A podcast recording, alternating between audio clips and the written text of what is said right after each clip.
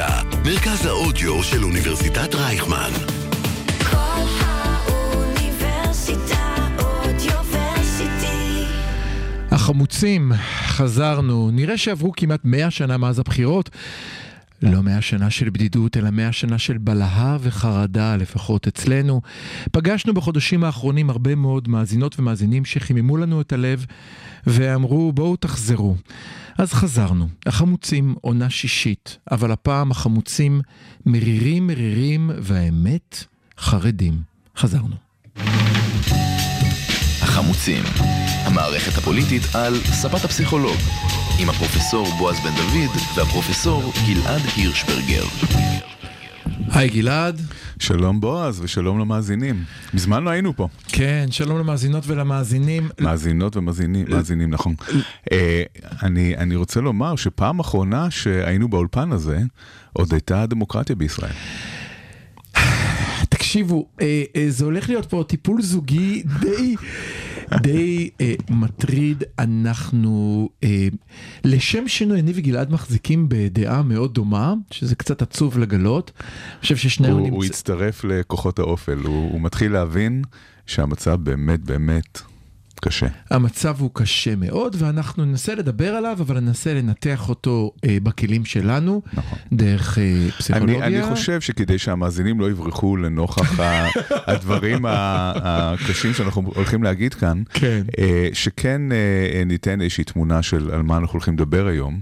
והמוטיב העיקרי שהייתי רוצה שיהיה כאן זה של פיכחון ותקווה. מה זה פיכחון ותקווה? פיכחון, מצד אחד צריך להסתכל על המציאות נכוחה, צריך להבין בדיוק איפה אנחנו נמצאים ולא להשלות את עצמנו.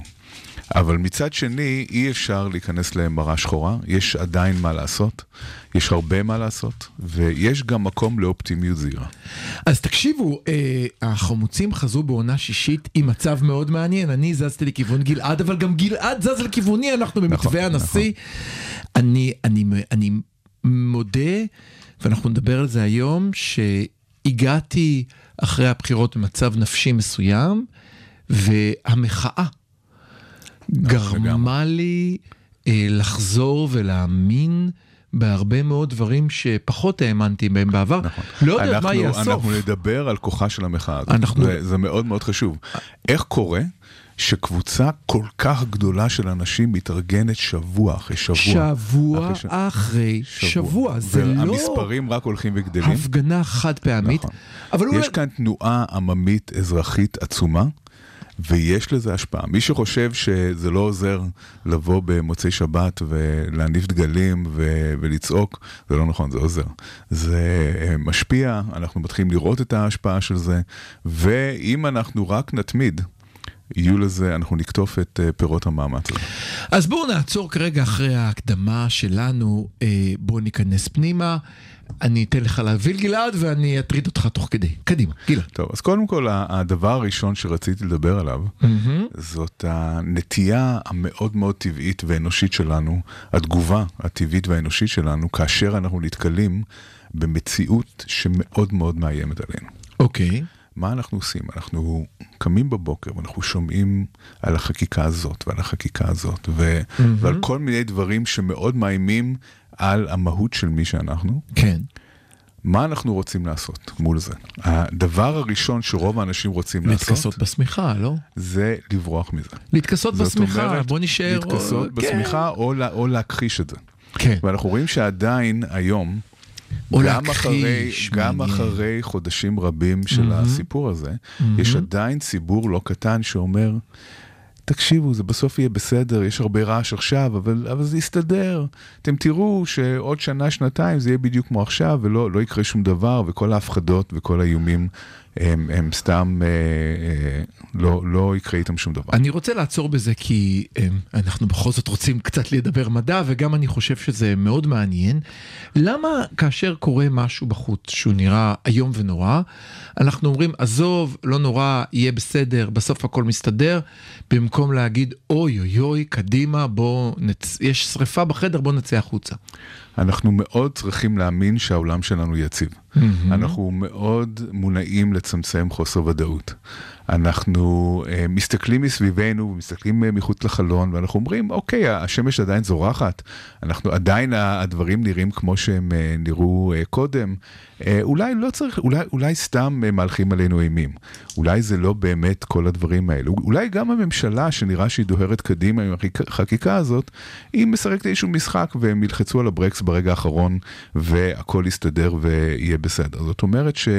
יש כל הזמן, אצל, אצל כולנו כמעט, אבל אצל, אצל חלק אה, קצת יותר, יש איזשהו רצון להאמין שהמציאות היא קבועה ו, ותישאר כמו שהיא. עכשיו כאן יש, יש היסטוריה, אני רק, אני רק רוצה להגיד אה, משהו היסטורי. אה, אני כל הזמן חושב, אחד הדברים שכל הזמן נמצאים בראש שלי בשבועות האחרונים, בחודשים האחרונים, זה הנאום של זאב ז'בוטינסקי בוועידת בית"ר בוורשה ב-1938. אני רוצה רק להבין, מה שעובר לך בראש בחודשים האחרונים זה נאום של ז'בוטינסקי מ-1930 ומשהו, אין בעיה. בין, בין הדברים, לא, כן. ככה אני, אין מה לעשות. אה, כל אחד והתחביבים שלו. ז'בוטינסקי ב-1938, שנה לפני פרוץ המלחמה והפלישה הנאצית לפולין, עומד מול יהודי פולין ואומר להם, צאו מכאן. עופו מכאן, משהו נורא עומד להתרגש עליכם. אתם חייבים לקחת את הדברים שלכם ולצאת עכשיו, עכשיו, מיד, לצאת. אין זמן, אין, אין שהות, אתם כרגע, עכשיו, צריכים לקום וללכת מכאן. איך מגיבים יהודי פולין לקריאה הזאת? תשמע, רגע, הילד עוד רק נכנס לחיידר, ורק נטעתי היום את העץ, בוא ניתן לעץ לצאת פירות. רובם מביטים בו בגיחוך, הם כן. אומרים, מי זה ההיסטרי הזה שבא ו- וצועק עלינו ואומר לנו, ומספר לנו מה הולך לקרות פה? אנחנו פולין, הכל בסדר, החיים שלנו טובים. אה, בסדר, אז יש איזה משוגע אחד בגרמניה שמאיים כל מיני איומים, אבל לא, זה לא באמת הולך אה, לקרות. אה, אותו הדבר, אגב, עוד, עוד דוגמה מדהימה של הכחשה, יהודי הונגריה. שכבר ידעו, כבר שמעו על, ה, על, על הזוועות שהנאצים עשו במדינות אחרות, הם איכשהו אה, הצליחו לשכנע את עצמם שהם אה, חסינים מכל זה, שהם אה, מוגנים מהעניין הזה, והנאצים הרי שלחו את יהודי הונגריה ממש ברגע האחרון בסוף המלחמה למשרפות, במהירות הבזק, ורוב היהודים היו משוכנעים שאיכשהו שם זה לא יקרה, ש- שאצלם בהונגריה אה, הדבר הזה לא יתרחש. למה אני מספר את כל זה? כי גם מול איום אימתני, הרצון שלנו להכחיש ולהאמין שהחיים שלנו יציבים ומה שהיה הוא שיהיה, הוא מאוד מאוד חזק. עכשיו, אני לא אומר את זה שוב בשביל להלך אימים, אני אומר את זה בשביל שנפתח את הראש ונבין שייתכן מאוד שהיום אנחנו ניצבים בפני נקודה כזו בהיסטוריה, ששינוי מאוד מאוד מאוד משמעותי מתרחש, ושישפיע על החיים של כולנו בצורה דרמטית, ואנחנו צריכים לפקוח את העיניים ולהבין את זה. אני רוצה אבל רגע להשתמש במחקריו של אה, גימל הירשברגר, אולי אתה מכיר אותו. אה, יכול להיות שזה בגלל שמדובר בשינוי איטי, זאת אומרת זה לא שמחר כל אה, החנויות ייסגרו ומחר כל הנשים תצטרכנה ללבוש חצאית ארוכה, אלא זה משהו איטי שנראה אוקיי, לאט. אז, אז בואו נדבר, זה איטי ואקספוננציאלי. זאת אומרת, התהליך הזה הוא לא תהליך שהתחיל לפני חודשיים. מהמם. הוא תהליך שקורה כבר עשרות שנים. זאת אומרת, בואו בוא נבין איפה אנחנו נמצאים ומה בעצם קורה. קדימה. מה שכולם מדברים עליו והוא מאוד ברור זה שיש ראש ממשלה נאשם בפלילים מהמם. שרוצה להתחמק מה- מגזר הדין שלו ולמנות את שופטיו ו- וכל הסיפור הזה. זה כבר קצת גדול מזה. אבל זה, לי. נכון, אבל זה רק ה- הסיפור שעליו אה, מתלבשת אידיאולוגיה הרבה יותר גדולה. האידיאולוגיה מסכים. גדולה זה הציונות הדתית, כן? הציונות הדתית לא הקבוצה אלא המפלגה. המפלגה, כן, כן. בוא, אנחנו חייבים, חייבים למצוא לזה שם אחר, נגיד- שלא או- נחטא היו- בלצבוע בוא- מגזר בוא נקרא שלם. לזה כמו שזה, היהודים המשיחיים. אוקיי, זה אין לי בעיה. יש אה, קבוצה אה, קטנה, אבל מאוד מאוד נחושה בציבור הישראלי, של, אה, אה, של אה, יהודים אה, משיחיים. כן, משיחיסטים. אה, שהם רוצים להקים מדינת הלכה, והם רוצים מלכות סנהדרין, והם רוצים בית מקדש, והם רוצים כמובן ארץ ישראל השלמה. והאנשים האלה היו תמיד בשולי החברה.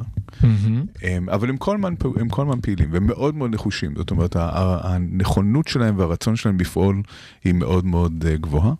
הם אה, כל הזמן אה, פעילים ומקדמים את האג'נדה שלהם. כל מה שאנחנו רואים עכשיו אצל אה, רוטמן ואצל אה, סמוטריץ' וכאלה, זה, אלה לא דברים שנולדו אתמול.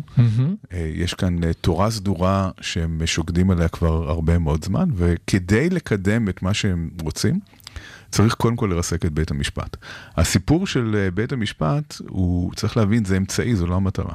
המטרה היא לא אה, אה, לסרס את בית המשפט, כדי לקדם את מה שהם רוצים, שזה קודם כל, אנחנו, זה, זה לא בכדי, בוא נגיד ככה, לא בכדי, שכל תהליכי הסיפוח, היום למשל, אנחנו היום ב, ביום שבו הולך לעבור ביטול חוק ההתנתקות. אוקיי? אנחנו, אנחנו אחד- חייבים תכף לעצור ולדבר על זה קצת יותר. זה אחד, אוקיי. זה אחד ה- הצעדים לקראת סיפוח דה יורה של הגדה. עוד דבר שקורה, שגורם בעצם לסיפוח של הגדה, זה אה, כל הסיפור של סמוטריץ' והמינהל האזרחי, אה, שבניגוד לאמנת ז'נבה הרביעית, במקום שהצבא יהיה זה שממונה, שממונה על החיים האזרחיים בשטח הכבוש, אה, זה יהפוך להיות אזרחים. המעבר הזה ממדים לחליפות הוא לא מעבר טריוויאלי, הוא מעבר שיש לו משמעויות אה, משפטיות, ובעצם אומר שה, אה, שמספחים את הגדה. עכשיו, אי אפשר לספח את הגדה ולהיות דמוקרטיה. זה לא עובד. אי אפשר. כי אם עושים את זה, צריך לתת זכויות הצבעה לערבים. כן. ולכן ה, ה, כל המהלך הזה נובע מאוד מאוד מאוד מתוך האידיאולוגיה הזאת, מתוך הצורך למצוא דרך לספח את הגדה בלי uh, לתת זכויות ל- לערבים, ואנחנו נראה להפך אפילו, אנחנו נראה שהולכים לשלול זכויות uh, קיימות ככל הנראה. אני אבל מרגיש שנייה אחת, אני מרגיש שאתה לקחת עכשיו שלושה סיפורים שונים ואתה הורג אותם ביחד. כן. מאוד אז ב- מורכב, אז נכון. תן לי רגע לפרק אותם לאט לאט, ברשותך. אז סיפור אחד, אתה גם, אתה יודע, יש שיטענו, לא אני חלילה, יש שיטענו שיש ניחוח של קונספירציה בדבריך, כן. אז בואו בוא נפרק את זה. אחד, דיברנו על נושא השטחים, שתיים, דיברנו על נושא תיאוקרטיה, או שלטון הסדרדרין, או איך שרצית לקרוא לזה, והשלישי, אני חושב, הוא סוג של אה, שבירת הדמוקרטיה. אני חושב שאלה שלושה צירים שונים. הציר השלישי הוא הציר הברור ביותר כרגע יש לכולם. עוד, יש עוד צירים שמשתלבים כאן. כן. כדי להבין, צריך להבין איך יכול להיות שקבוצה כל כך קטנה והזויה, כן, של מש- משיחיסטים, שהם הרי לא הרוב בציבור הישראלי, הם לא קרובים להיות הרוב, הם אפילו לא הרוב בימין הישראלי. אוקיי. איך יכול להיות שהם אלה שקובעים את האג'נדה?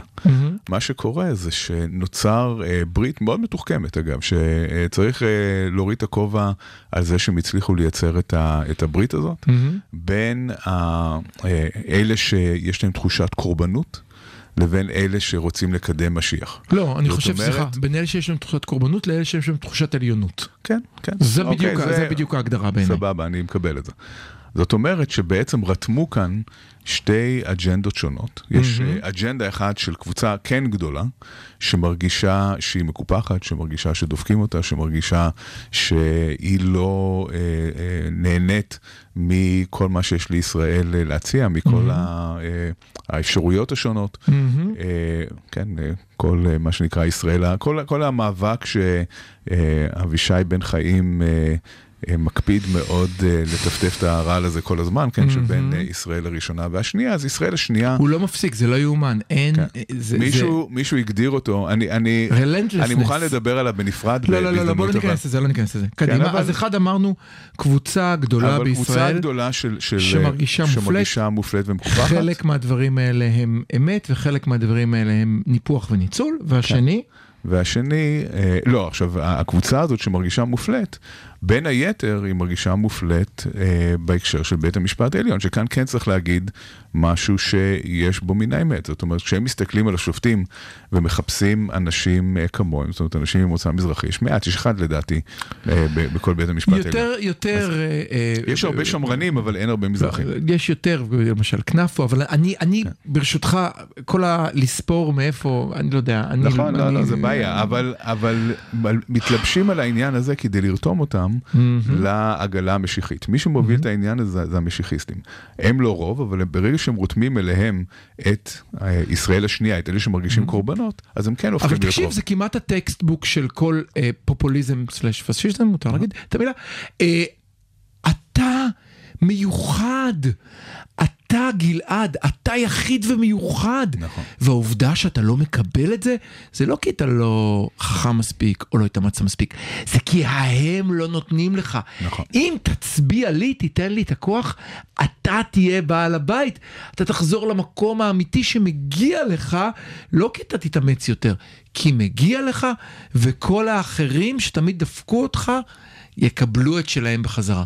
זה מסר של כל פופוליזם בטקסטבוק. נכון, וכאן אני בתור הערת אה, שוליים, אני חייב להגיד משהו.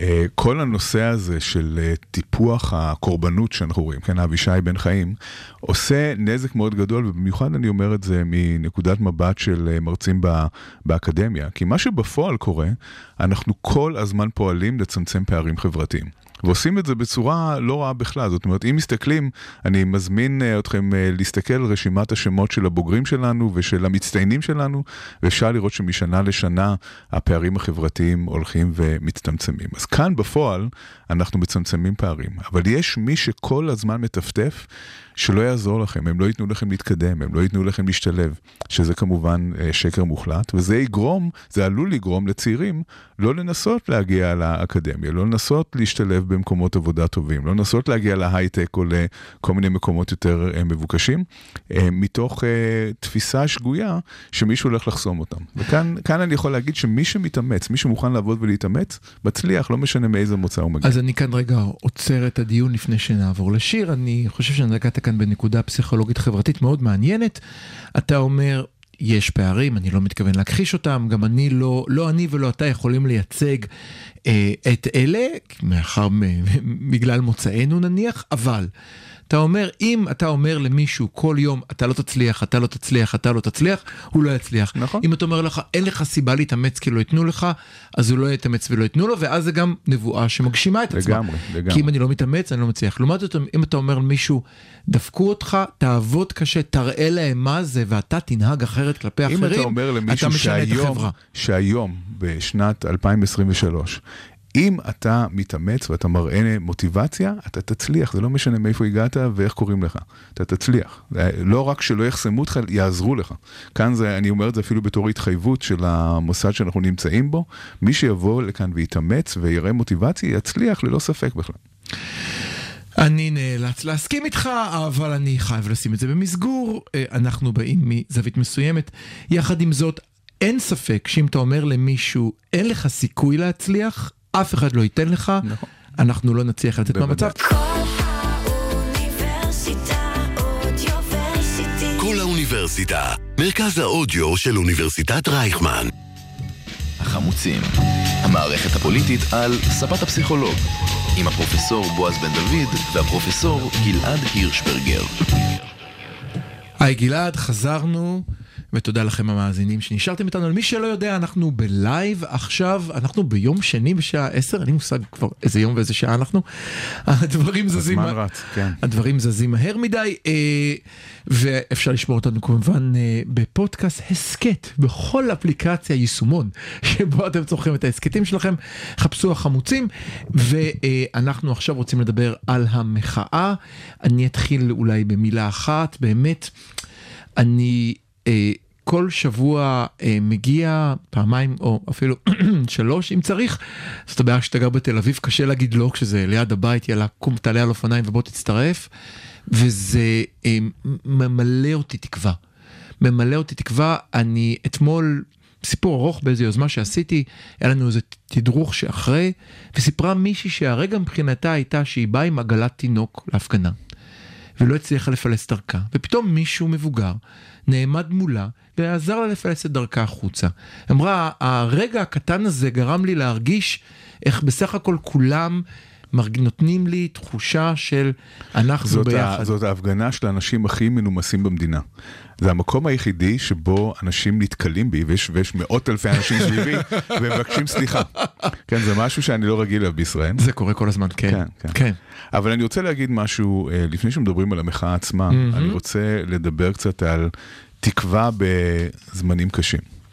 וכמו Hope שמקודם... is the thing with feathers that purchase in the soul, מכיר את השיר הזה? לא, אבל אוקיי. אה, אה, כמו שמקודם היה לי אה, איזושהי, אה, כן, אני, אני דיברתי על זה שאני כל הזמן חושב על ז'בוטינסקי בפולין, אז כשאני חושב על תקווה בזמנים קשים, אני חושב על אה, צ'רצ'יל ב-1940. 1940, לא, אני רוצה, הגרמנים. אני חייב לעצור. יש לך איזושהי היסטוריה שאחרי 48 או לא, ש... אני, אני חי שם. אתה חי שם, אוקיי. זה מסביר הרבה, גלעד. זה מסביר הרבה. 1940, בליצקרייג גר- גרמני, כובשים את צרפת, המצב נראה על הפנים באירופה. אה, צ'רצ'יל עולה, צ'מברלין עף בבריטניה, והוא עולה ובאמת, בריטניה במצב מאוד קשה, הצבא לא מוכן, דנקר, כל הסיפור הזה, זה נראה על הפנים, זה נראה ממש מצב זהו. אנשים, אנשים כאילו שוכחים שבאותה תקופה היה, זה לא חשש זה היה אמיתי, נראה זה היה זוועה, ממש זה היה נראה נראה. זהו. זה היה נראה זוועה. זה באמת היה זוועה, אבל, אה, אבל אז קם מנהיג, כמו צ'רצ'יל. ונושא את אחד הנאומים החשובים בהיסטוריה, שבו הוא אומר, We shall defend our island, we shall not, we shall never surrender. כן? אנחנו לעולם לא ניכנע.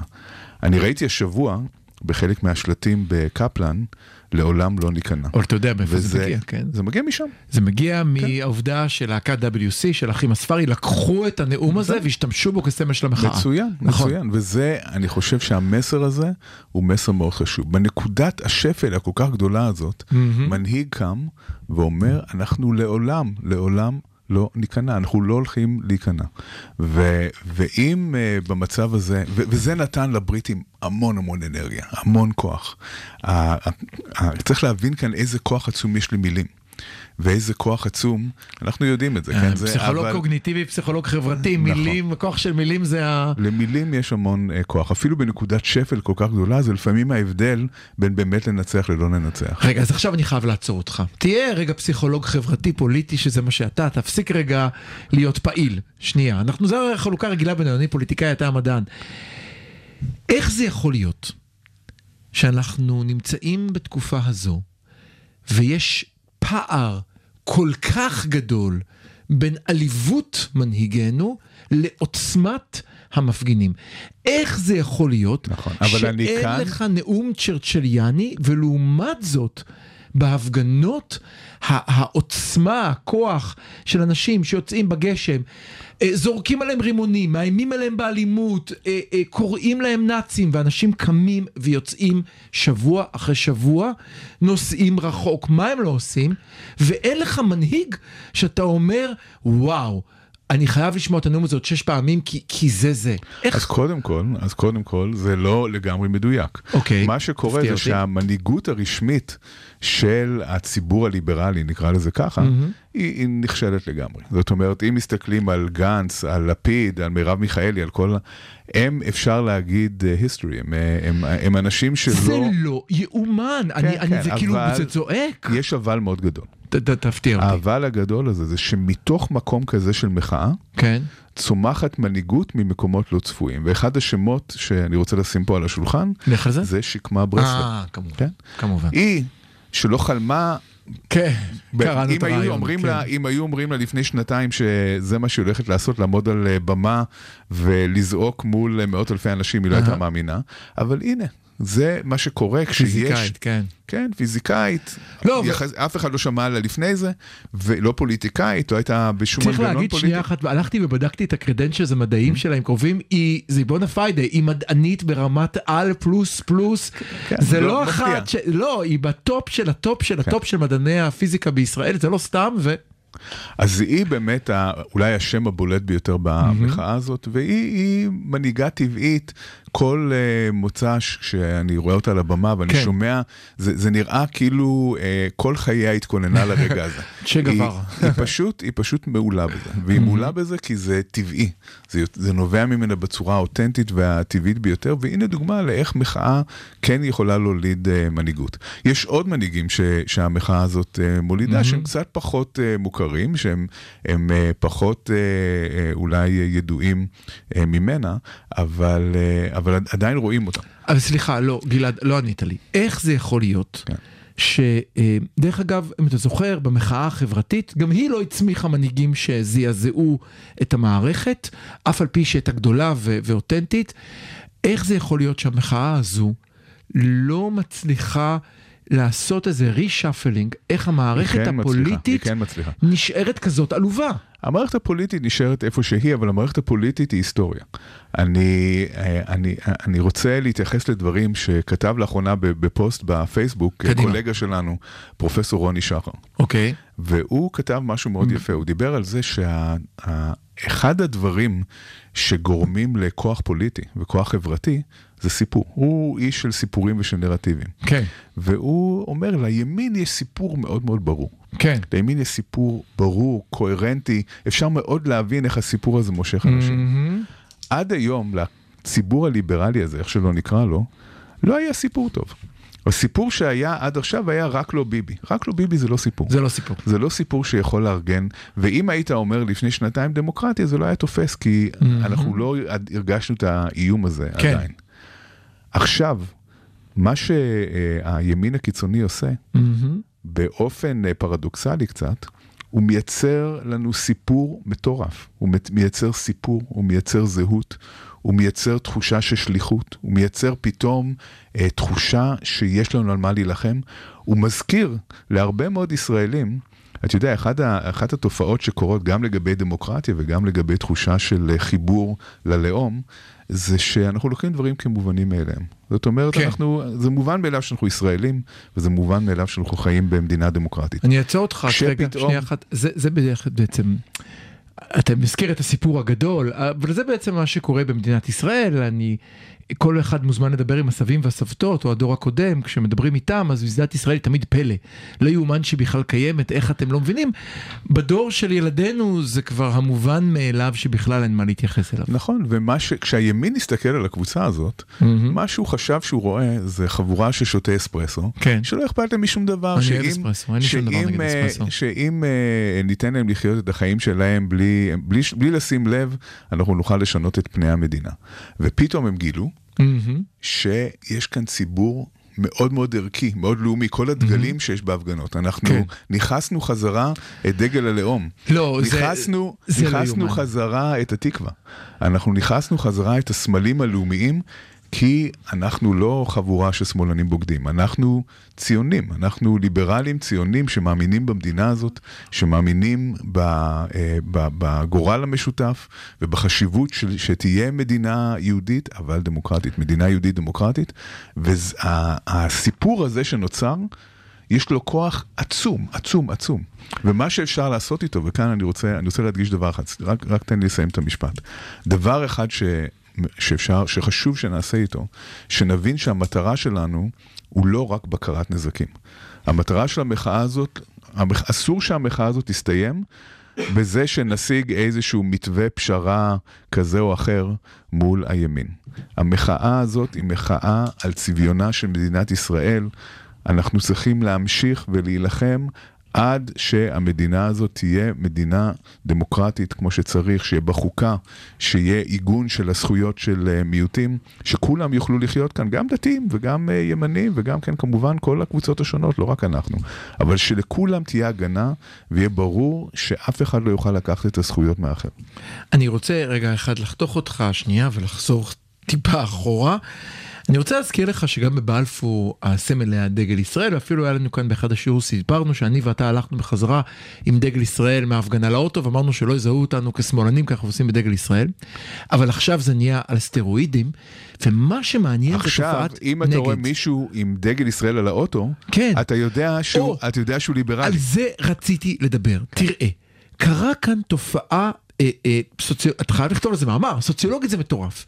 לפני שנה, מי ששם דגל ישראל על האוטו לפני שנתיים, לא לפני שנה, סליחה, לפני שנה היה, היה כאן חמש דקות של ממשלה שבויה. לפני שנתיים, מי ששם דגל ישראל על האוטו, ידעת פחות או יותר מאיזה מחנה הוא מגיע, היה ברור מה מדובר, וגם אתה כשלעצמך אמרת, אם אני שם דגל ישראל, אני צריך גם לשים סטיקר, כאילו בשביל להסביר שאני בעד ישראל, אבל לא בעד נתניהו, לא, לא, לא. יופי. היום דגל ישראל נהיה סמל המחאה, לגמרי. כך שאדם שם דגל על האוטו, וזה לא אני תומך במדינת נתניהו, אלא אני תומך במדינת ישראל נגד מדינת יהודה, או איך שתרצה לקרוא לזה, והמעניין הוא התופעת נגד, ואני אסביר. אה, אחרי הפיגוע הנוראי שהיה אה, בדיזנגוף, שלצערנו נוגע גם במשפחת אה, אוניברסיטת רייכמן, זה ליד הבית שלי, וזה קרה כשלא הייתי בבית, היינו אני וזוגתי בהפגנה, הילדות היו בבית, שמעו קולות, שאלו אותנו מה זה, רצנו הביתה לחטות, ואז הלכתי אחר כך עם הדגל והחולצה אל אזור הפיגוע. באזור הפיגוע התגודדו, כמו תמיד לצערי, שני הצדדים, אבל הייתה בעיה לכהניסטים. הם הרי לא יכלו לבוא עם דגלי ישראל, כי אנשים באו מפגינה. כי אנשים באו מפגינה דייס, אז הם עטו על עצמם דגלים צהובים. אמרתי, איזה יופי, יש לנו כאן חלוקה ברורה. כן. מדינת ישראל בדגלי ישראל באו להפגנה, ומדינת יהודה באה עם דגלים צהובים. זאת אומרת, הצד השני נאלץ להמציא את עצמו מחדש, בשביל לייצר לעצמו סמל, כי אם אתה בא עם דגל ישראל, זה מסמן אותך במחנה שלנו, וזה נפלא. כן. ואם עוקבים לאורך זמן אחרי התופעה הזאת, אז uh, בהפגנה הראשונה שהייתה לפני, כמה זה היה? לפני 11-12 שבועות, זה היה, כן? לפני חודשיים וחצי. חצי מיליון אז- שנה. כן, לפני חצי מיליון. ההפגנה הראשונה הייתה הפגנה שאני מוכרח להגיד שיצאתי מאוד מאוכזב אני. זוכר, אני שוחחנו זאת. הייתה הפגנה שמי שבעצם ארגן אותה זה חד"ש. נכון. זאת הייתה הם- הפגנה... היו שני מארגנים חדש השתלטו על המארגנים הרגילים, שקמה לא ניסתה. לעשות משהו בצד אחד, הם עשו בצד אחר, לא משנה, ה- הצבע של ההפגנה. היה של השמאל הכי קיצוני בישראל, ואני אז אמרתי, אם, אם ככה זה הולך, זה על הפנים, אנחנו לא נצליח אה, לייצר כאן אה, מחאה כמו שצריך. נכון, אבל מהר מאוד, מהר מאוד, נכון. המארגנים של ההפגנות התעשתו, התעש- השתלטו על העניין הזה. השתלטו פשוט. וממש הולכים לכיוון הנכון. אחד הדברים הממש מדהימים שקורים בהפגנות, זה שתמיד מקפידים להביא אנשים גם מה- מהימין. נכון. מביאים את רוני אלשיך, נכון. מביאים את לימור לבנת. לימור לבנת. מביאים, מביאים אנשים שהם אה, מזוהים עם הימין, אנשים שהם דתיים, אנשים שהם לא ה-usual suspects, כן, של, ה, של השמאל, כדי באמת לייצר תנועה עממית רחבה, שהיא לא תהיה רק של אה, מרכז תל אביב, אה, כן, עושים, עושים, האנשים גם, הר- עושים גם הרגילים. עוד משהו, אני חושב, יש כאן דיון עמוק יותר על הפוסט-מודרניזם, שלא נצליח לעשות אותו בחמש דקות שיש לנו עד ההפסקה, אבל אני רוצה שכן תעזור לי איתו. יש את כל הפוסט-מודרניזם שהשחור לא שחור, הלבן לא לבן, בוא נבדוק את עצמנו מחדש, שגורם, גרם למחנה הליברלי להגיד דגל ישראל, כן, אבל למה הוא, הוא בעצם מדיר? כי ערבים לא יכולים לשיר התקווה, ולא יכולים דגל ישראל, מה שנכון, ואז בוא נחשוב על זה. קרה כאן מהלך אחר. אמרו, רגע, בסדר, זה דיון אמיתי, בוא נשים אותו רגע בצד, ובכל הפגנה יש התקווה. כן. ובכל הפגנה דגלי ישראל בכל פינה. ובכל הפגנה הלכו דווקא אל הסמלים הכי לאומיים, אלה שלפני חודשיים, בהפגנות כאלה אומרים, רגע, שנייה, אבל מה יהיה עם ערבי שלא יכול אנחנו לשיר כל עוד כולנו- בלבב? אנחנו עצרו את זה. כולנו, אנחנו כולנו מגלים מחדש את הישראליות שלנו. זאת אומרת, ברגע היש- שהישראליות, תסביר, תסביר. ברגע שהישראליות נמצאת בסכנה, והישראליות זה הישראליות שאנחנו מכירים אותה, שזה אומר ישראל הדמוקרטית, הליברלית, תל אביב, אה, חופש, אה, כן, כל הדברים שאנחנו מזהים כישראליות, ברגע שזה נמצא תחת איום, ומה שאנחנו רואים מול העיניים זה את הרוטמנים והסמוטריצ'ים, אז אנחנו פתאום מגלים מה אנחנו. אנחנו פתאום אוחזים מחדש בישראליות הזאת, כי המצב הזה גם מחייב את כולנו להסתכל ולהגיד, רגע, אני רוצה להמשיך לחיות פה? אולי בעצם במקום לבוא כל אה, שבוע לקפלן, אני אקח את הדברים, פעמיים בשבוע. ואני אגר ל... כן, או כמה פעמים בשבוע, אני אגר, אני אגר למקום אחר, כן. כן. בוא נגיד שבמיליה הזה של הציבור הליברלי, היכולת להגר למקום אחר היא די גבוהה, כן? כולנו יכולים למצוא מקום אחר לחיות בו. אבל זה דווקא מחדד את התחושה שזה המקום שלנו. שאנחנו לא הולכים לשום מקום ואנחנו כאן כדי להילחם על המדינה. אבל תראה, אתה עלית כאן על נקודה נורא מעניינת. למעשה מדינת ישראל, כל הקונספט, אז בוא נשים רגע בצד את השואה, קמה ברעיון של... יש כולם שונאים אותנו, כולם קיבצו אותנו כקבוצה אחת בגלל שנאה, וזה גורם לנו להגדיר את עצמנו, פחות או יותר. תקן אותי אם אני טועה? כן, אבל אני חושב שכאן, אם אנחנו, אם. אנחנו מתחברים למקורות של הציונות ושל מדינת ישראל, המקורות של הציונות הם מאוד מאוד ליברליים. הציונות אה, אבל, נובעת... אבל שוב, זה הגדרת העצמי בגלל שאחרים לא נותנים לי להיות מי שאני. כן ולא. אוקיי, ה- תעזור יש לי. כאן, יש כאן שילוב של שני דברים שאחד מהם יוצא משליטה. הדבר הראשון זה באמת אה, ההבנה שהאמנציפציה באירופה לא עובדת, זאת אומרת שזה לא מספיק שנותנים ליהודים אה, חופש ושוויון כביכול באירופה, כי עדיין שונאים אותנו, וצריך אוטו-אמנציפציה, זה מושג של אה, פינסקר, אחד מאבות הציונות. זאת אומרת, צריך הגדרה עצמית ליהודים. העולם מקבל את זה, כן, זה היסטוריה ב-in a nutshell, בקצרה. העולם מקבל את זה, אבל מתנה את זה. בכל המסמכים השונים שאומות העולם בעצם אומרות, כן, אנחנו נקיים, אה, אנחנו נאפשר בית לאומי יהודי, ל- אה, בית לאומי לעם היהודי בארץ ישראל, זה רק אה, בתנאי שיובטחו הזכויות של מיעוטים אחרים, של קבוצות אחרות במדינה, ואנחנו מקבלים את זה, מגילת העצמאות היא ביטוי בדיוק של העניין. אבל שוב, זה קורה, אתה אבל- אומר אותו דבר. האחרים, אם האחרים היו, היו לא מסמנים אותנו כקבוצה, נכון. לא באים למנוע מאיתנו להיות מי שאנחנו, לא היינו מתחילים את החלום, את, ה, את החזון הציוני כן, הזה. תראה, זה- וחזרנו את- לזה שוב. בסדר, זה, אתה יודע, אה, יש אה, הרבה מאוד נכתב על הסארטר, הפילוסוף הצרפתי הידוע, כתב ספר שנקרא אה, אנטישמיות, ו- ושם הוא בעצם אומר שיש משהו מאוד פרדוקסלי באנטישמיות, כי הסיבה שהיהודים ממשיכים לאחוז בזהות הקבוצתית שלהם בגלל ששונאים אותם. אם אתם לא אוהבים יהודים, תעזבו אותם בשקט והם יתבוללו. זה בעצם מה שהוא אומר. אז אתה אומר אולי בפרפרזה קצת קיצונית, אם אתם אה, לא רוצים, לעז... אם אתם רוצים שהליברלים ימשיכו לשתות אספרסו, תפסיקו להציק להם עם חמץ בבתי תראה, באיזשהו חולים. מקום, אם, אם הימין הקיצוני לא הייתה אצה לו הדרך, והוא היה עושה את כל המהלכים שהוא עושה טיפין טיפין, לאט לאט, על, על, לאורך זמן הרבה יותר ארוך, ייתכן שזה היה עובר מתחת לרדאר. יכול להיות שלא היינו מתעוררים ושמים לב. לא. בגלל, בגלל שהם עשו את זה בריצת אמוק. בגלל, כאן, כאן אני רוצה להגיד עוד משהו לגבי העניין הזה.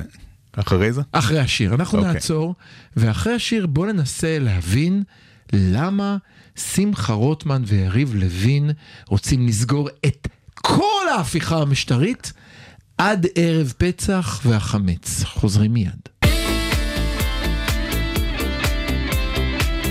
כל האוניברסיטה, מרכז האודיו של אוניברסיטת רייכמן.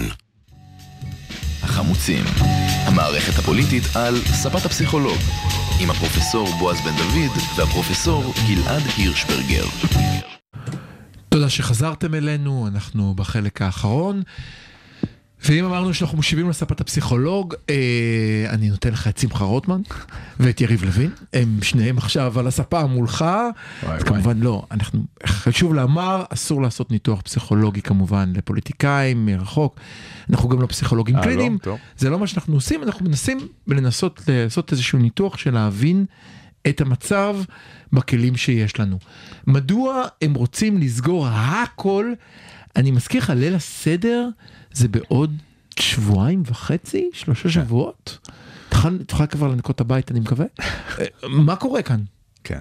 אה, אז קודם כל, כמו שאמרנו, התוכנית הזאת של אה, להפוך את ישראל, אה, זה, זה נשמע קצת הזוי שאני אומר את זה, נכון? למלכות סנהדרין, למדינת הלכה.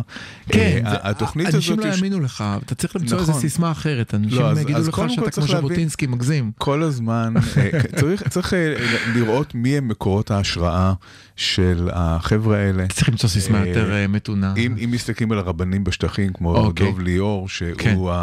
הרב שעומד מאחורי רצח רבין, צריך להגיד את זה בצורה מאוד ברורה, אה, ותומך בטבח גולדשטיין, כן, שהוא כתב אחד מה... הוא לא ביצע את רצח רבין, לא, אבל לא הוא בהחלט נתן... אבל הוא נתן את ברכתו בצורה כזו או אחרת, כן? אוקיי. גל התביעות שמגיע לאוניברסיטת רייכמן, אני רואה אותו פה מעבר לדלת. אוקיי, לכאורה, כן. לכאורה. להגיד את זה, אה, לכאורה, בסדר. צריך- צריך להגיד את הדברים כמו שהם, אין, אה, אין מה לעשות. אוקיי. אה, יש קבוצה מאוד מאוד קיצונית של רבנים שמקדם את הדברים האלה, וה- והאנשים שאנחנו רואים היום בכנסת, חלק גדול מהם הם אנשים שצמחו, גדלו על ברכי האידיאולוגיות האלה. אוקיי. אה, כאן גם אני מאוד ממליץ לקהל מאזיננו מהמם. לקרוא שני ספרים של כרמי גילון, שהיה ראש השב"כ מהמם. אה, בתקופת רצח רבין, וגם אה, היה ראש המחלקה היהודית בשב"כ, אז הוא יודע קצת על אה, מה, מה קורה שם. אה, ושל יוסף שביט, שהיה עיתונאי אה, ידיעות אני חושב. בכל מקרה הם כתבו אה, ספרים, אה, אחד מהם נקרא משיח אכזר, על אה, ספרים בדיוניים כביכול, על הימין האולטרה קיצוני אה, ועל השאיפה שלהם ועל כל הדברים שהם עושים כדי לקדם את הרעיון הזה של מלכות. סנהדרין. הדבר הכי מטריד בספר זה העטיפה האחורית, בעטיפה האחורית כתוב שכל הפרטים המופיעים בספר הם בדיוניים, כן. אבל לא מאוד רחוקים מהמציאות. וה, וה, ומה שמתואר בספר זה, זה דברים מחרידים, זאת אומרת, ממש ברמה של פיגועים נגד אה, יהודים, יהודים רפורמים, וכן, מהמם. ו- וניסיון באמת לייצר אה, תוהו ובוהו ומלחמת גוג ומגוג אה, בישראל. אה, אנחנו רואים ביטוי של האידיאולוגיה הזאת היום אצל חלק מחברי הממשלה הנוכחית. אז למה אצה להם בדרך עכשיו? כן. כי הם יודעים, שוב, אני, אני רוצה ידעו- להגיד, זה גם נראה, סליחה, זה גם נראה כאילו הם עובדים בשירות המפגינים. אם, אתה יודע, אם... כן, כן, כרגע זה אם לא נראה היו ככה. כן. זורקים רימוני רסס דיינו, אם לא היו קוראים לנו נאצים דיינו, לא, אז- אז הם עושים בואו את הכל נעשה- בספידים כל שבוע. נכון, אז הם יודעים את מה שאנחנו יודעים, שהם מיעוט קטן. הם יודעים שרוב הציבור לא רואה את הדברים כמוהם, לא גדל על אותה אידיאולוגיה, והם מאוד נחושים לקדם את האידיאולוגיה הזאת. יש להם, עכשיו הם מבינים שהכוכבים יסתדרו באופן שלא בטוח שיקרה עוד פעם אם הם לא יבצעו את השינויים שהם רוצים אה, לבצע. יש כאן הזדמנות חד פעמית של ראש ממשלה מואשם בפלילים שמעוניין לרסק את מערכת המשפט מסיבותיו האישיות, של אה, ציבור גדול שדיברנו עליו, של אה, אנשים שמרגישים שאכלו להם, שתו להם, דפקו אותם, שמחפשים גם אה, נקמה במערכת המשפט, ושל האידיאולוגיה שלהם. והם יודעים שאם הם לא יעשו הכל עכשיו, מיד ומהר, אולי לא תהיה הזדמנות שנייה, שזאת ההזדמנות אבל שלהם מיד לעשות את זה. ומהר זה לא חייב להיות בחודש. הרי אם היו גוררים את זה על פני שנה, לא היינו רואים את מה שקרה בשבת אה, האחרונה בקפלן. לתפיס, לתפיסתם, אם הם היו עושים את זה לאט, יכול להיות שעד אז הממשלה הייתה נופלת, יכול אוקיי. להיות שכל מיני דברים היו יכולים לקרות. אם הם יעשו את הכל מהר, אז תהיה מחאה מאוד גדולה, אבל יהיה איזשהו פטה קומפלי. אה, עד פסח. זאת אומרת, אנחנו נגיע לפסח במצב שבו הממשלה בוחרת את שופטי בית המשפט, ואז מכאן, כן, רק ואז, צריך- ואז נותנים לשופטים גם לבחור, אבל נותנים לאלה שהם בחרו. זאת אומרת, ברדוגו, כשהוא יהפוך להיות שופט בית המשפט העליון, יוכל לבחור את אה, אשתו, אח שלו כל, והבן. כל הרעיון כאן כן. הוא למנות שופטים וגם לסרס אותם כדי. כדי לוודא, אחד הדברים שהימין למד, הוא למד שהרבה פעמים כשהוא ממנה אנשים שהוא חושב שהם משלו, אה, במקום להיות נאמנים לימין, הם נאמנים למדינה ולתפקיד שלהם. זה, כמו, זה מהם- כמו שאתה סיפרת, שולחים אותם עם סכין בין השיניים לשב"כ והם חוזרים אה, שמאלנים. הם עדיין עם סכין בין השיניים, אבל כן, הם חוזרים במרכאות, שמאלנים. זה, כן. כן. זה פרדוקס ביטן, מה שנקרא. כן, כן, כן, כן. אה, מה שקורה זה שלוקחים, אה, אתה זוכר שמינו את רוני אלשיך? בוודאי. כשמינו אותו בהתחלה, אני הייתי די מבוהל, אמרתי כן. בואנה, הבן אדם הזה הוא מתנחל, ימני עם כיפה ענקית על הראש, מהמם. זה הולך להיות על הפנים, אבל, נכון. אבל מה שקרה זה שרוני אלשיך החליט שהוא משרת את מדינת ישראל ולא אידיאולוגיה של אף אה, צד כזה או אחר, מה שמאוד מאוד עצבן את אה, אלה שמינו אותו. נכון. כן, אז, אז כדי לוודא שלא יהיו עוד מקרי רוני אלשיך, מה שעושים זה פסקות התגברות וכל מיני דברים מהסוג הזה, כדי לוודא שגם אחרי שמינית את השופטים שאתה רוצה, אתה לא נותן להם אה, את הכוח. ברגע שזה יעבור, כל הדברים האלה יעברו, אין דבר שהממשלה הזאת תרצה לעשות שהיא לא תוכל. אין, אין עוולה שהיא לא תוכל אה, לעשות, אין שום דבר שיעצור אותה. אה, ואחד הדברים שמאוד אה, סביר שיקרו, זה שהם יארגנו את, ה, את הדמוקרטיה, נקרא לזה ככה, בצורה כזאת, שהם לא יוכלו יותר להפסיד. מה זה אומר? מה זה אומר? זה אומר, אה, אה, קודם כל אנחנו כבר רואים שלתוך אה, ועדת הבחירות המרכזית מתחילים להכניס אנשים שלהם, הם לא רוצים לא ששופטי... נכון. כן, כן. כן. הם לא, הם רוצים לבטל את, הם רוצים לבטל את, אה, אה, את זה ששופטי בית המשפט יוכלו להשפיע על הוועדה, אה, לוועד, על ועדת הבחירות, ושישבו שם אנשים שלהם. והדבר השני שיקרה, זה עוד לא קורה, אבל אני מנחש שיקרה, זה הם יגידו שהמפלגות הערביות הן תומכות טרור, ולכן ברור, אה, יפסלו ברור, אותן. ברור. זאת אומרת שייווצר כאן מצב שבו יהיה שלטון ימין אה, נצחי. הם לא היו מסתכלים לעשות את כל מה שהם עושים, הם היו חוששים לרגע שהשמאל יעלה לשלטון, נכון? הם לא אה, היו נותנים כוח בלתי מוגבל כזה לשמאל. וכאן כאן גם צריך להבין אה, משהו שאילנה דיין אמרה שהוא מאוד חשוב. כן. אף אחד לא צובר כמות כזאת של כוח סתם. כן. כן. יש להם אג'נדה, יש להם תוכנית. כן.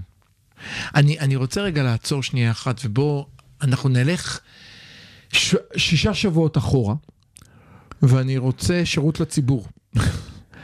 אה, מה אתה רוצה? הם ניצחו את הבחירות, תכבד את זה, לרוב יש אג'נדה, הוא רוצה ליישם אותה. אל תגיד לי שזה לא מה שהיה בבחירות, גם אריק שרון בבחירות לא רץ על התנתקות ועושה התנתקות. וגם רבין לא רץ על אוסלו ועשה אוסלו. אני לרגע, בכוונה אני נותן את כל הדברים. הם זכו ברוב, אז אתה אומר הם לא רוב המצביעים, מה זה משנה? זו שיטת הבחירות, הם זכו ב-64, יש להם קואליציה לכידה ולחודה שמצביעה, מדוע אתה מפריע להם לעשות את מה ש...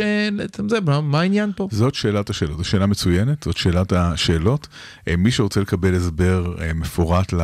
של לא מפורט, יש לנו שש תשובה- דקות. לא, אז אני רק מפנה למאמר שכתבתי בארץ שבוע שעבר על, אה, על דמוקרטיה כנס ו- ולמה... אני יודע, לכן עשיתי לך הרמה פה להנחתה, קדימה, תנחית, הכדור מעל הרשת, פשוט כן. אז, תן אז מכה. תוכלו למצוא אה, מאמר שלי ושל שותפיי, סיון הירשפלר ושאול אריאלי על הנושא הזה. אבל כאן צריך להבין אה, דבר מאוד חשוב, ואני חושב שכולנו קיבלנו שיעור באזרחות לגבי מהי דמוקרטיה. דמוקרטיה מעולם לא הייתה רעיון של שלטון הרוב. שלטון הרוב זה אחד המרכיבים של הדמוקרטיה, אבל דמוקרטיה זאת מערכת שקמה בסופו של דבר כדי להגן על זכויות הפרט, כדי להגן על זכויות ה... וכאן, אם אנחנו מסתכלים כאן שוב ביעף על כי ההיסטוריה... הרי אם אנחנו רוצים שהרוב ישלוט, לא צריך דמוקרטיה. אם הרוב הולך מכות עם המיעוט ומנצח אותו, אם זה כל המהות, לא לא, צריך בוא- דמוקרטיה. תן בוא נס- לכולם עלות, מי שמנצח לקח. תראה, יש הרבה מדינות שיש בהן בחירות, והן לא דמוקרטיות, כן? אה, יש בחירות באיראן, כן, יש בחירות ברוסיה. כן, גם בסוריה, כמדומני היו. כן, יש בחירות בסוריה. עכשיו, מה שקורה זה שתמיד המנהיגים במדינות האלה זוכים ב-90 ומשהו אחוז מהקולות. אה, זה אחוז שהולך וגדל, כי כמובן אה, הורגים את כל אלה ש... את השלושה אחוז שלא מצביעים להם. מספרים כן. שם כמובן, כן. כן, אבל עצם אה, קיומן של בחירות לא מצביע על דמוקרטיה. הדמוקרטיה התפתחה כדי להגן על זכויות, וכאן צריך לומר שהרעיון שלבני אדם יש זכויות, שלפרט יש זכויות, זה רעיון מאוד דתי קיומין, גם, ב, אה, גם בתורה, גם בתנ"ך אנחנו, העברי, אנחנו רואים את העניין הזה של אה, זכויות אדם, אבל לקח הרבה זמן לאנושות להבין שהדרך היחידה באמת לקיים זכויות, זה להגביל את כוחו של השליט. ו- וכאן אה, אנחנו יכולים לקפוץ אה, אלפי שנים קדימה למאגנה קארטה מלפני 800 שנה, שבעצם אה, זה, זה כתב זכויות גדול שנכתב בעקבות מחלוקת בין המלך ג'ון לבין האצילים שלו, שבו יש הבנה בפעם הראשונה שכדי שיהיו זכויות צריך להגביל את הכוח של המלך וצריך בעצם הפרדת רשויות. אחד החוקים החשובים שנובעים מהמאגנה קארטה זה הביוס קורפוס, שבעצם אומר המלך, אדם אה, הוא, הוא, אה, אדון על גופו, והמלך לא יכול אה, לעצור אותך, אלא אם כן יש עילה מוצדקת. כלומר, וצריך הוא להציג את להביא הראייה אותך, בצורה הוא מלאה. צריך להביא אותך בפני שופט, מהמם. שזה בעצם הפרדת רשויות. יש, יש שופט שיקבע האם העילה היא מוצדקת. זה, ה- זה הרעיון, זה הפעם הראשונה שאנחנו רואים בעצם את הרעיון הזה של הפרדת אה, רשויות. הנושא של הפרדת רשויות הוא קריטי, קריטי לזכויות של בני אדם, לא רק של מיעוטים, של כולנו. כי ברגע שאין, ברגע שאין משפט, ברגע שהשלטון הוא מעל החוק, כן, שזה בעצם אומר, מה, מה בעצם עושה בית המשפט? בית המשפט, בניגוד למה שחושבים, הוא לא קובע מדיניות, הוא רק קובע דבר אחד, האם מה שעושים הוא בהתאם לחוק או בניגוד לחוק. בר- אם אין רגע, אז מה משפט... הבעיה? סליחה, סליחה, סליחה. לא, אז אין בעיה. אז אני אעשה חוק שאומר שראש ממשלה הוא רק בן אדם ששם משפחתו נתניהו. עובר ב-64, מה הבעיה? כן, אז כאן באמת אה, אנחנו, יש איזושהי מחויבות בסיסית לכללי משחק. זאת אומרת שגם כשיש רוב של 64, אה, אם המשחק הוא כדורגל, הוא צריך להישאר כדורגל ואי אפשר להחליט שהוא כדורעף. אה, אם אנחנו מחליטים שאנחנו חיים במדינה דמוקרטית, אז אנחנו לא מחוקקים, גם אם יש רוב, לא מחוקקים חוקים שג'ינג'ים לא יכולים להצביע, או שרק מי שקוראים לנתניהו יכול להיות ראש ממשלה. אני חושב שזאת נקודה נורא מהותית, ואני מרגיש שכל פעם אנחנו מותקפים עליה. חשוב להדגיש, דמוקרטיה היא לא שהרוב לוקח. דמוקרטיה היא מערכת של איזונים ובלמים ששומרת על כולם בתוך משחק, כן. שבו כל אחד יכול להיות רוב, וגם כשהוא רוב, הוא שומר על הגינות המשחק ועל זכויות המיעוט. ההבנה, את זה- ההבנה, ההבנה שהרוב קובע אה, יכולה להיות מסוכנת. היא למשל הבנה שאלכסיס דה טוקוויל שהלך, אה, נסע מסע לאמריקה בשביל לבחון את הדמוקרטיה באמריקה, הוא אמר יש דבר כזה שנקרא עריצות הרוב, ולכן צריך אה, הפרדת רשויות, ולכן צריך חוקה ודברים מה, מהסוג הזה. אה, אז כן, אז אה, כמובן שהמהות של דמוקרטיה זה לא הרוב קובע. הרוב, זה, זה נכון שהרוב מנצח בבחירות, הוא יכול ליישם את המדיניות שלו, אף אחד לא אומר שלא. אבל הוא לא יכול להפוך את השיטה. אז אנחנו uh, מגיעים לסיום, אני רוצה רק להגיד משהו שרציתי להתחיל איתו. יש לגלעד מטאפורה שהוא משתמש במחקרי המטאפורות שלו, שבה הוא אומר לאנשים, דמיינו שאתם נמצאים על הטייטניק מול הקרחון, ואם אתה נמצא על הטייטניק מול הקרחון, יש לך משהו עדיין לעשות. נכון. ואני חושב שיש לנו שני דברים לעשות. האחד ניסינו לעשות כאן ונמשיך לעשות בשבוע הבא, זה להגיד, תראו, יש פה קרחון מולכם. הוא נמצא שם, במקום הזה, אנחנו מת, מת, מתקדמים אליו במהירות כזו וכזו, עדיין יש מה לעשות. אבל השני נמצא בידי כל אחד ואחד מאיתנו. אני אומר לך מה אמרתי לסטודנטים שלי ב- אתמול. בפגישה, אמרתי, לכל אחד יש משות קטן. אם תיקחו את המשות שלכם ותכניסו אותו למים, לאיזה כיוון שלא תרצו, אז אתם יכולים להשפיע על כיוון האונייה. אם תוותרו על זה, תשבו ותחכו לראות מה יהיה, אתם הולכים אל עבר הקרחון. וכאן אני רוצה לחדד את העניין של המטאפורות. ההשוואה היא בין מטאפורה של אה, שאנחנו שתים לעבר קרחון, לעמידה על קצה המצוק. כשאנחנו על קצה המצוק, אנחנו פסיביים, אין לנו כל כך מה לעשות חוץ מ... להדוף את הסכנה ככל שאנחנו יכולים. כשאנחנו על ספינה ששועטת לעבר קרחון, השליטה היא עדיין בידיים שלנו. אנחנו עדיין יכולים לעשות משהו כדי להימנע מההתנגשות הזאת. אני רוצה לקחת את המטאפורה שלך צעד אחד קדימה, כי הסטודנטים אמרו לי, כשהצגתי, אמרו לי, כן, אבל הידיים שלנו לא על ההגה. אמרתי, אוקיי, הידיים שלכם לא על ההגה. קחו משות. אם מיליון איש עם משוטים קטנים יעבדו על האונייה, כמו שאנחנו רואים כמתעצם משבת לשבת, אפשר להזיז אותה למקום שאליו אתם רוצים. אז נסיים בתקווה. לגמרי. בשבוע הבא, יום שני, 10 בבוקר, 106.2 FM, אה, כל האוניברסיטה, כמובן מוזמנים לחפש החמוצים בכל יישומון שבהם אתם צורכים את ההסכתים שלכם, להתראות. ביי ביי.